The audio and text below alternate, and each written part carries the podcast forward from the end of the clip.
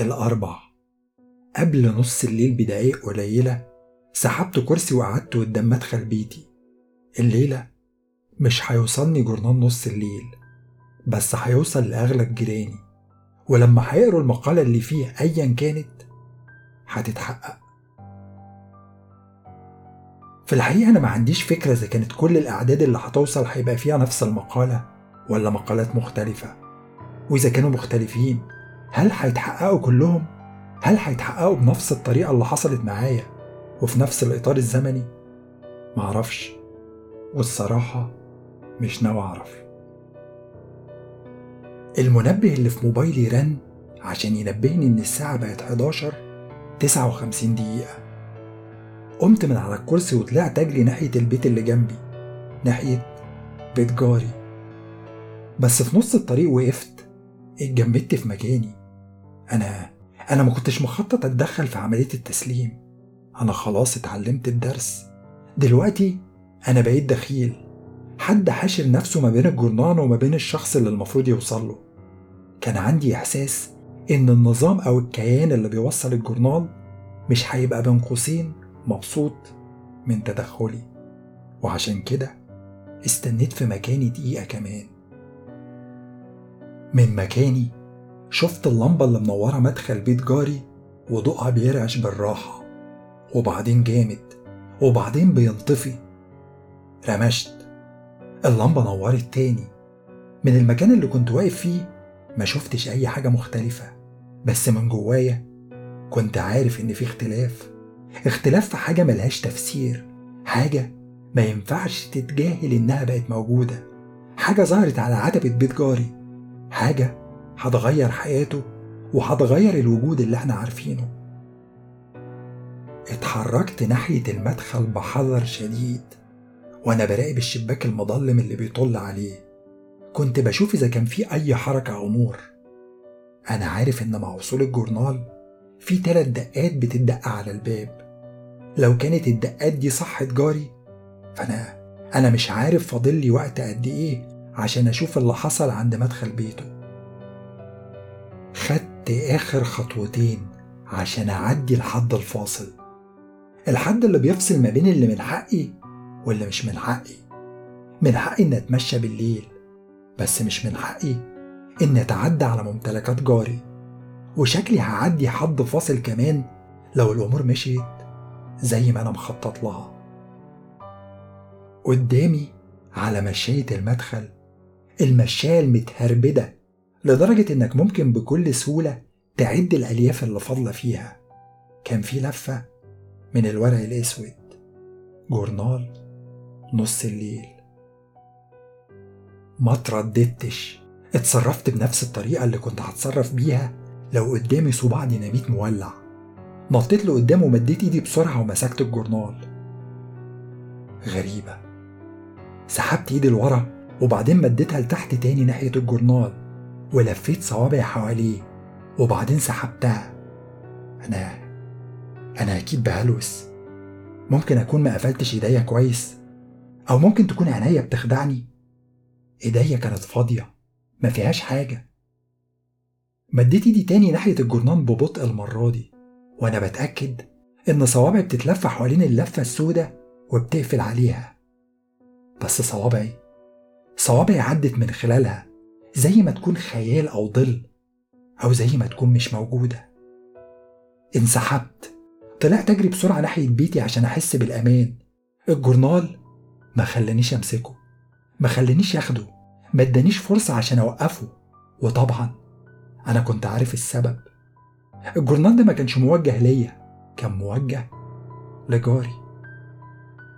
انهارت على كرسي مكتب والدي وقدامي قدامي كانت النوتة جاهزة مفتوحة على الجزء التاني من مذكراته. كان لازم أقرأ زيادة. والدي قال إنه ممكن يكون لها طريقة عشان يوقف الجورنال. بس الواضح إن الطريقة دي فشلت أو معرفش ينفذها لأي سبب من الأسباب. عشان الجورنال الجورنال لسه بيوصل. لازم أكمل قراية عشان أعرف اللي حصل. وده اللي كان مكتوب بخط إيد والدي. الحرب انتهت بالنسبة لي. اتصبت في رجلي واتسرحت من الجيش. طبعا أنت عارف إننا انتصرنا بعد كده. بس الفترة اللي اتسرحت فيها كانت فترة صعبة علينا كلنا. شعور بالمرارة كان مالي كياني. بس في الآخر في الآخر أرجع وأقول إني خرجت من الحرب حي. أنا عارف إنك ممكن تاخد الموضوع ده ببساطة أو على إنه شيء عادي بس أنا أنا كنت مقدر الموضوع ده. أنا شفت شباب أحسن وأذكى مني. مستقبلهم كان هيكون أحسن من مستقبلي بمئة مرة. شفتهم وهم بياخدوا آخر نفس ليهم بين إيديا. بيسموها عقدة أو متلازمة الناجي. بس أنا أنا شايف إن الكلام ده غباء ومش بيوصف حالتي. أنا عمري ما حسيت بالذنب عشان فضلت عايش. أنا كنت حاسس إني ضايع.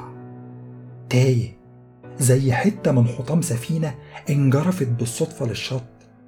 الإحساس اللي كان عندي ما كانش عقدة الناجي كان ضياع الناجي. ما قدرتش أرجع مدينتي وما قدرتش أقعد في أي مكان لفترة طويلة.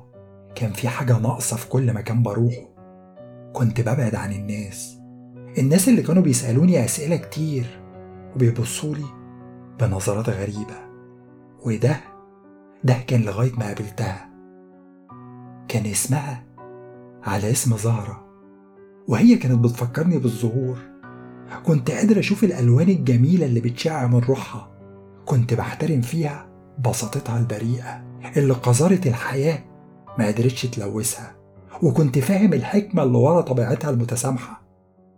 باختصار بعد ما عرفتها من كتر ما انبهرت بيها ما كنتش مصدق إني لقيتها أو أو إنها فعلا موجودة. أنا قابلت والدتك وإحنا بنقدم على شغل. كنا إحنا الاتنين مستنيين دورنا في الانترفيو لما سألتني. هي الساعة معاك كام؟ لما رديت عليها وقلت لها معرفش ابتسمت ابتسامتها البريئة. بعد سنين قليلة وبمساعدة أهلي وأهلها قدرنا نحوش عشان نجيب بيت ونتجوز. يا ابني يا ابني في اليوم اللي انت اتولدت فيه حسيت بشعور كان بقالي فترة ما حسيتش بيه. حسيت بالفخر. انت كنت جديد نضيف مش متوسخ بقسوة العالم اللي إحنا عايشين فيه. وأنا أنا كنت حاسس إني قذر إني شرير إني مرهق. كنت عاوز أجري وأسيبك أنت ووالدتك تتشاركوا النور اللي بيشع منكم أنت كنت منور لدرجة لدرجة إنك ابتديت تمحي الضلمة اللي كنت حاسس بيها مغلفة روحي من سنين. ما كنتش بتكلم معاك كتير. كنت حاسس إن كلامي هيسممك. كنت معتقد إن صدى الكلام اللي هقولهولك هيتردد في دماغك الصغيرة ويبقى جزء منها. بس بس كنت بحب أسمعك قوي وأنت بتتكلم يا ابني. كنت بحب الطريقة اللي بتربط بيها الأفكار ببعضها. وعشان كده وفي اليوم اللي والدتك طلبت مني أحكي لك حكاية بما إنك كنت بتحب الحكايات قوي وهي كانت عاوزاني أبقى جزء من الشيء اللي بتحبه حكيت لك الحكاية الوحيدة اللي أعرفها. حكيت لك عن جورنان نص الليل. طبعا طبعا أنا حكيت الحكاية دي لوالدتك من سنين فاتت بس لما حكيتها لك كان ليها تقل كان إحساسها مختلف. لما في يوم من الأيام هيبقى عندك أولاد هتفهم. هتفهم إن كل كلمة هتقولها لهم هيبقى ليها وزن. هتبقى تقيلة زي ما تكون معمولة من الحديد وبتسيب علامة زيه. لأول مرة دخلتك وقعدتك في المكتب بتاعي. وانت انت حبيت شكل الكتب في المكتبة وشكل اللوحات المتعلقة على الحيطة. استكشفت الأوضة كأنك بتستكشف كهف أول مرة حد يدخله. وزي الكهف أوضة مكتبي كانت إضاءتها قليلة ومليانة بالخطر. لما حكيت لك الحكاية خليت جورنان نص الليل كأنه شيء سحري شيء مثير. قلت لك إنه بيجيلك من غير ما تطلبه أو تبقى عاوزه. دايما بيلاقي طريقه لعتبة بيتك ودايما بيوصل لمجموعة معينة من البيوت عند نص الليل. بتسمع تلات دقات على الباب وبعدين هوبا بيبقى موجود. وإنت حبيت الجزء ده من القصة قوي لا إنت أصلا حبيت قصة جورنان نص الليل كلها. لما سمعتها وشك نور. نور بطريقة عمرها ما حصلت وانت قاعد معايا قبل كده. نور بنفس الطريقة اللي بينور بيها لما بتبقى قاعد تتكلم مع والدتك. في ليلة وأنا بحكي لوالدتك إزاي أنا وأنت قربنا من بعض بعد ما ابتديت أحكي لك عن جورنان نص الليل سمعنا تلات دقات على الباب. لما بصيت من العين السحرية عشان أشوف مين اللي بيخبط في الوقت المتأخر ده ملاقيتش حد. لما فتحت الباب قدامي على مشاية المدخل كان موجود شيء أنا عارفه كويس. شيء ممكن أتعرف عليه في أي مكان. لفة من الورق الأسود زي اللي جات لي سيحة بالظبط. خدت اللفة ودخلتها البيت وحطيتها فوق مكتبي. قطعت الدبارة اللي ملفوفة حواليها والورقة السوداء فردت نفسها قدامي زي حشرة نص ميتة. شفت العنوان مكتوب بفونت أبيض تخين جورنال نص الليل.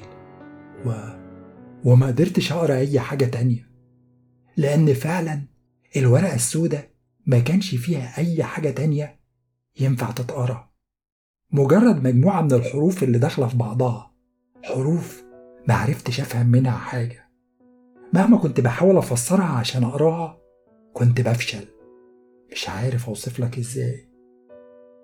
عارف لما تيجي تمسك صابونة مبلولة وتتزحلق من إيدك؟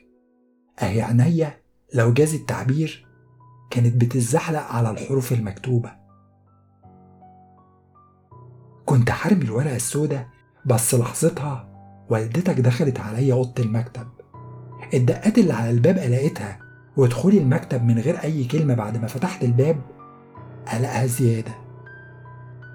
بصت على الورقة السوداء وقرت جملة من الطلاسم اللي مكتوب عليها بصوت عالي. عينيا وسعت من الدهشة. كانت قادرة تقرأ المكتوب. في نفس الوقت أنا ما قدرتش. طبعا ما فهمتش وقتها اللي أنا فهمته بعد كده. الجورنال كان جاي لها هي مش جاي لنا. بعد شوية إقناع مني والدتك وافقت إنها تقرأ المقال اللي مكتوب في الجورنال بصوت عالي. وده اللي كان مكتوب. خمن. لعبة لوحية تتهم بأنها السبب في مجموعة من جرائم القتل. الشخص اللي قاعد قدامك فطاره كان إيه؟ الشخص اللي قاعد جنبك مخبي في جيبه إيه؟ مين اللي بيخبط على الباب؟ خمن. الكلمات دي كانت مطبوعة على علبة من الكرتون الأبيض والعلبة كانت معروضة على رفوف المحلات ومتاحة للمتسوقين. المتسوقين اللي كانوا مقبلين على شرائها خصوصا مع بداية موسم الصيف والأجازات. واحد من المتسوقين اللي شافوا اللعبة اللوحية معروضة على الرفوف بس ما اشتراهاش بيقول كان باين على شكلها إنها مسلية ومش مؤذية خالص. مين اللي كان ممكن يخطر على باله اللي حصل بسببها؟ عامة أنا أنا ما اشتريتهاش عشان أسرتي ما بتحبش الألعاب اللوحية. حظنا حلو. على علبة اللعبة الكرتون صورة أسرة. أسرة أفرادها بيبتسموا وهم قاعدين حوالين ترابيزة وفي وسطهم لوحة لعب. داير ما يدور على أطراف لوحة اللعب مرسوم مجموعة من المربعات لونها أبيض وأسود. مشكلة مستطيل. في نص المستطيل مجموعة من الورق الأسود شبه ورق الكوتشينة. في مجموعة من قطع لعب بلاستيك على شكل بني آدمين متوزعة ومحطوطة على مربعات معينة. وفي ظهر أسود في إيد ست بتبتسم. واضح إنها الأم في الأسرة السعيدة دي. بس بس كل الأسر اللي لعبوا اللعبة دي ممكن توصفهم بأي حاجة غير إنهم سعداء. كتيب التعليمات اللي بيجي مع اللعبة مكتوب فيه قواعد اللعبة بسيطة. كل واحد من اللاعبين بيختار قطعة لعب من القطع البلاستيك ويحطها على مربع البداية اللي بالمناسبة هو هو مربع النهاية. اللاعب اللي بيوصل للمربع الأخير بيكسب. اللعبة بتتلعب عن طريق إن اللاعب اللي عليه الدور بيدحرج الزهر وبيحرك قطعته البلاستيك نفس عدد المربعات المساوي للرقم اللي جاله. وبعدين اللاعب بيسحب ورقة من مجموعة الورق الأسود اللي في نص اللوحة. الورقة بيبقى مطبوع عليها سؤال سؤال مضحك بيخليك تخمن حاجة عن لاعب من اللاعبين اللي بيلعبوا معاك. مثلا واحدة من الأوراق المية مكتوب عليها السؤال ده. خمن بنتك اللي معرفتش تربيها. رجعت البيت الساعة كام امبارح بالليل وانت نايم على ودانك. مضحك مش كده؟ عامة لو حضرتك خمنت صح هتفضل في المربع اللي انت وصلت له. أما لو خمنت غلط فللأسف هتضطر ترجع لمربع البداية. اللعبة ما بتنتهيش إلا لما كل قطع البلاستيك توصل لمربع النهاية. بعد ما قرايب وأصدقاء أسرة فراغ بلغوا الشرطة على عدم ظهور أي واحد من أفراد الأسرة لمدة أسبوع. الشرطة راحت بيت الأسرة في حي فراغ عشان تتحرى عن الموضوع. اللي لقوه جوه البيت أقل ما يمكن أن يقال عنه إنه كابوس بشع. الضابط فراغ صرح لقينا الأسرة كلها قاعدة حوالين ترابيزة السفرة. كانوا ميتين بقالهم كذا يوم. كان في كذا أداة ممكن تستخدم كسلاح في الأوضة. أغلبها أدوات بتستخدم في الزراعة وسكاكين من المطبخ. واضح إن اللعبة اتحطت بطريقة سرية على الرفوف في المحلات. الباركود اللي عليها كان منسوخ من ألعاب تانية وبالتالي صانع اللعبة مجهول حاليا بس الواضح الواضح إنه مصروف على صناعتها جامد. المواد اللي مصنوع منها اللعبة مواد مش رديئة أو رخيصة بأي حال من الأحوال. دكتور فراغ دكتور أمراض نفسية من نفس المدينة بيقول نظرية قوات الأمن لتفسير اللي حصل بتفترض إن اللعبة استفزت أفراد الأسرة عشان يهاجموا بعض. بس التفسير ده مش مقنع بالنسبة لي ولا مقنع بالنسبة لأي حد يعرف الأسرة دي. مفيش أي حد عقله سليم هيمشي ورا الكلام اللي مكتوب على ظهر كروت اللعب حتى لو كانوا زعلانين أو متضايقين من بعض. دي أسرة في الأول وفي الآخر أب وأم وأولاد. الكلام اللي مطبوع على ظهر كروت اللعب اللي دكتور فراغ بيتكلم عنه في الأول بيبتدي بطريقة مسالمة وهادية مثلا أول كارت مطبوع على ظهره خمن مقاس القميص اللي لابسه الشخص اللي على شمالك. بس الكارت اللي بعد كده بيبتدي يظهر أهداف اللعبة المؤذية. خمن الكلب الصغير اللي على يمينك سرق من محفظتك فلوس قد إيه. وبعدين اللي مطبوع على الكروت بيبقى أسوأ وأسوأ. خمني الخنزير اللي قاعد قدامك بيخونك مع مين. وبعدين الكروت بتبتدي تشجع على استخدام العنف. خمن مين اللي هيقوم يجيب سكينة من المطبخ. خمن عين مراتك ممكن تسع كام قلم رصاص. بعد أيام قليلة تم إخطار الشرطة إن أسرة فراغ اللي ساكنة في الحي الراقي من المدينة أفرادها ما ظهروش بقالهم كذا يوم. الشرطة اكتشفت إن اللي حصل مع أسرة فراغ هو نفسه اللي حصل مع الأسرة دي. الشرطة لقت الأسرة متجمعة حوالين ترابيزة صغيرة في أوضة الليفينج ولعبة خمن كانت محطوطة في وسطهم على الترابيزة. دكتور فراغ بيفسر اللي حصل من وجهة نظره. التفسير بسيط جدا. واضح إن الشخص اللي عمل اللعبة وحطها بطريقة سرية على رفوف المحلات قعد يراقب.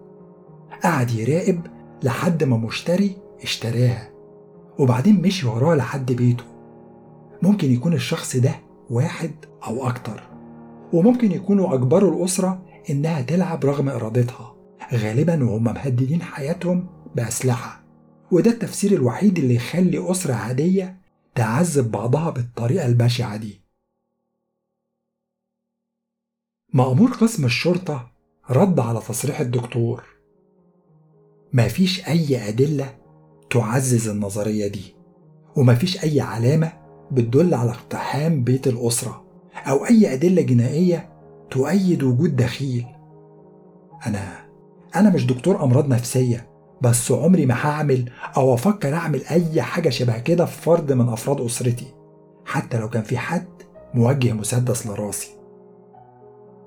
بس بس في تفسير تالت تفسير تالت بيطرح نفسه.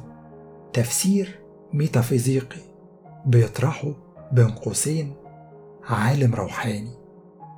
قرا عن الجرائم الغريبة اللي بتحصل في مدينة فراغ.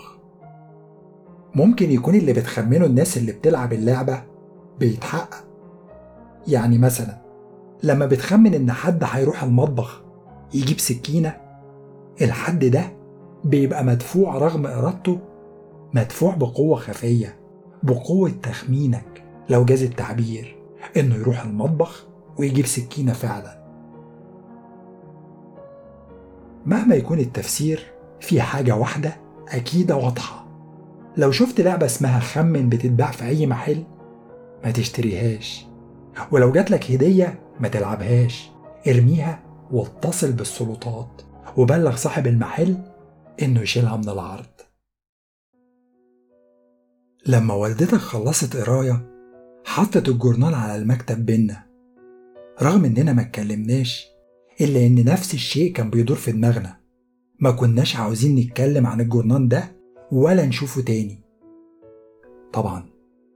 طبعا أنا كنت بتمنى إن التخلص من جورنال نص الليل يكون بالسهولة دي. ودي كانت نهاية الجزء ده من مذكرات والدي. أنا هكمل قراية المذكرات وهشارككم اللي بقراه هنا. أنا أنا لازم أوقف اللي بيحصل.